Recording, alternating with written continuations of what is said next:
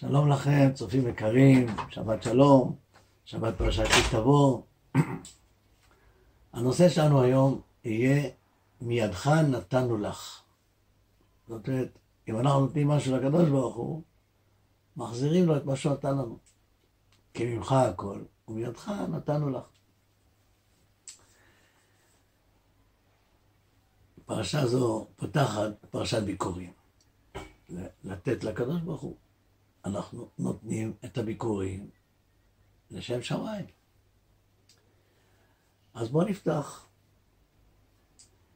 ולקח הכהן נתנה מידיך, והניחו לפני מזבח השם אלוהיך. מה פירוש והניחו? לפני ההנחה יש תנופה, ואחר כך מניחים. אז זה לא עוד פעם אחת, פעם שנייה. וענית ואמרת רבי עובד אבי, ובסוף, ועתה הנה הבאתי את ראשית פרי אדמה שנתת לי השם, והנחתו לפני השם אלוהיך, והשתחווית. עוד פעם והנחתו, זאת אומרת, תנופה פעם שנייה. הראשונה עם הכהן, השנייה בלעדי הכהן. מה פירוש פעולת התנופה? מה עושה פעולת התנופה? אז קודם כל, איך מניפים? לארבע רוחות העולם. מעלה ומטה, מוליך ומביא, מעלה ומוריד. כמו שאנחנו עושים עם הלולב בחג הסוכות. מה עושה פעולת התנופה? את זה נלמד מפרשת בעלותך. שם כתוב, והקרבת את הלוויים לפני השם, וסמכו בני ישראל את ידיהם על הלוויים, הם מייפים את כוחם, אחר כך והניף אהרון את הלווים תנופה לפני השם מאת בני ישראל. הנה תנופה ראשונה. אחר כך, ועמדת את הלווים לפני אהרון ולפני בניו, והנפת אותם תנופה להשם. תנופה שנייה. ואז הבדלת את הלווים מתוך בני ישראל, להבדיל אותם משם, והיו לי הלווים. והיו לי. כלומר, זה תהליך העברת הלוויים מבני ישראל אל בורא עולם. וזה נעשה על ידי שתי תנופות. ואיפה יש רמז לשתי התנופות האלה? בהמשך, כי נתונים נתונים הם מעלים מתוך בני ישראל. כך מתבטא הקדוש ברוך הוא. מה זה נתונים נתונים? תנופה כפולה. ומדוע צריך תנופה כפולה? כשאתה נותן משהו למישהו, הוא צריך לעבור שתי פעולות, עקירה והנחה. קודם כל, הוא צריך להתרגל שהוא מוציא את זה ברשותו, זה נקרא עקירה. לאחר מכן, לתת את זה למי שאתה נותן את זה. עם ישראל צריך להתרגל לעובדה שהנביאים הם לא שלו, או לא ברשותו, אז זה עקירה, ואחר כך להעביר אותם לרשות שמיים. אז זו פעולת התנופה והתנופה הכפולה. כך גם כן בביקורים. כשאתה מביא ביקורים לפני השם, אתה צריך לעשות קודם כל פעולה ראשונה של תנופה, שמשמעותה עקירה מרשותך, ואחר כך להניף, לתת את זה לקדוש ברוך הוא. מדוע אנחנו מוליכים ומביאים לארבע רוחות העולם, למעלה ולמטה? על זה הגמרא אומרת במסכת סוכה. מוליך ומביא למי שארבע רוחות שלו, מעלה ומוריד למי ששמיים וארץ שלו. אין כאן רק פעולת הודאה למי, אלא זו נתינה למי שארבע אורחות העולם שלו. כלומר, כשאתה רוצה לתת לקדוש ברוך הוא, באיזה מקום הוא נמצא שאתה נותן לו? הוא נמצא בכל מקום.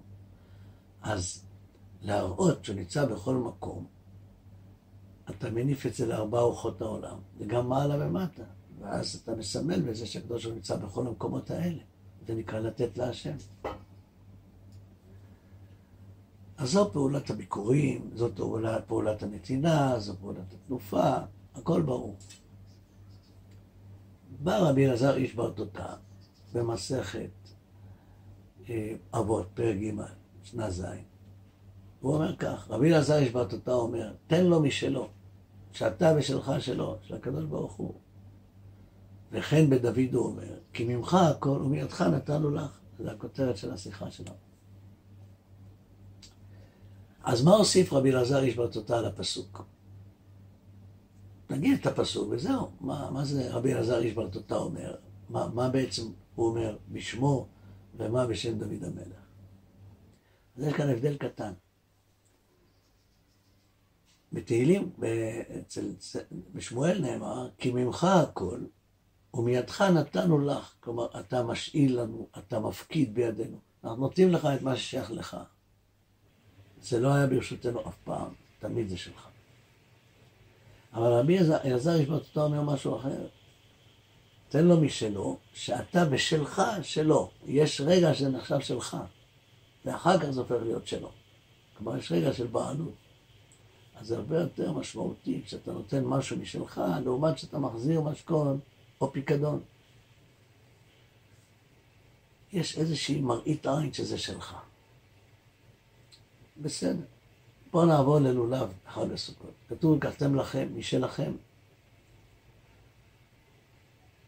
לא יוצאים ידי חובה, לא בלולב שאול ולא בלולב גזול. זה להיות שלך, שקנית אותו בכספך, שנחשב שלך, קיבלת אותו למתנה, זה שלך. ביום השני אפשר גם שאול.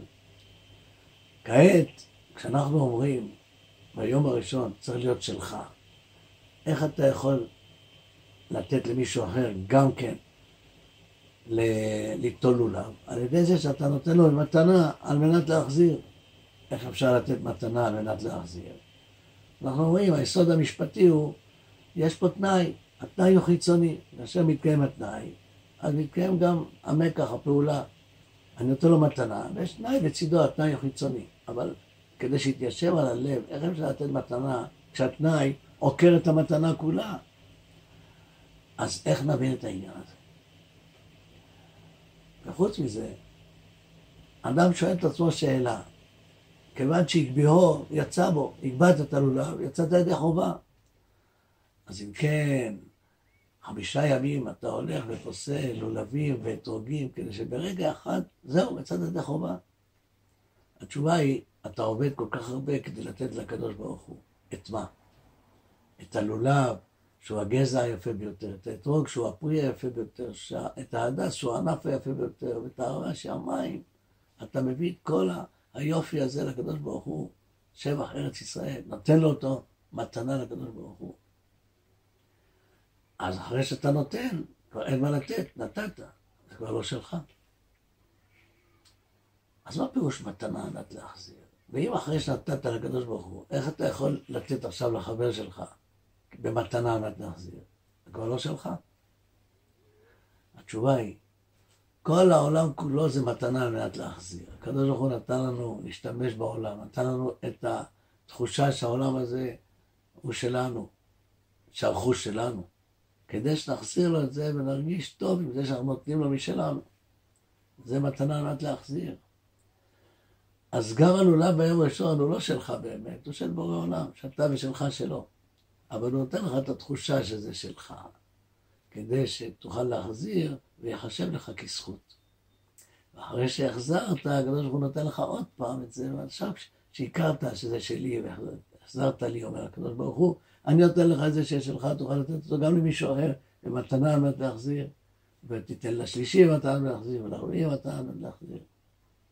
אז נמצא שכל מה ששאלנו, מה זה מתנה על מנת להחזיר, מתברר שכל המציאות כולה, כל מה שיש לנו, זה מתנה על מנת להחזיר לקדוש ברוך הוא, ממה שיש ברשותנו. לכן בדוד הוא אומר, כי ממך הכל ומידך נתנו לך, שבת שלום לכם ולהשתמע.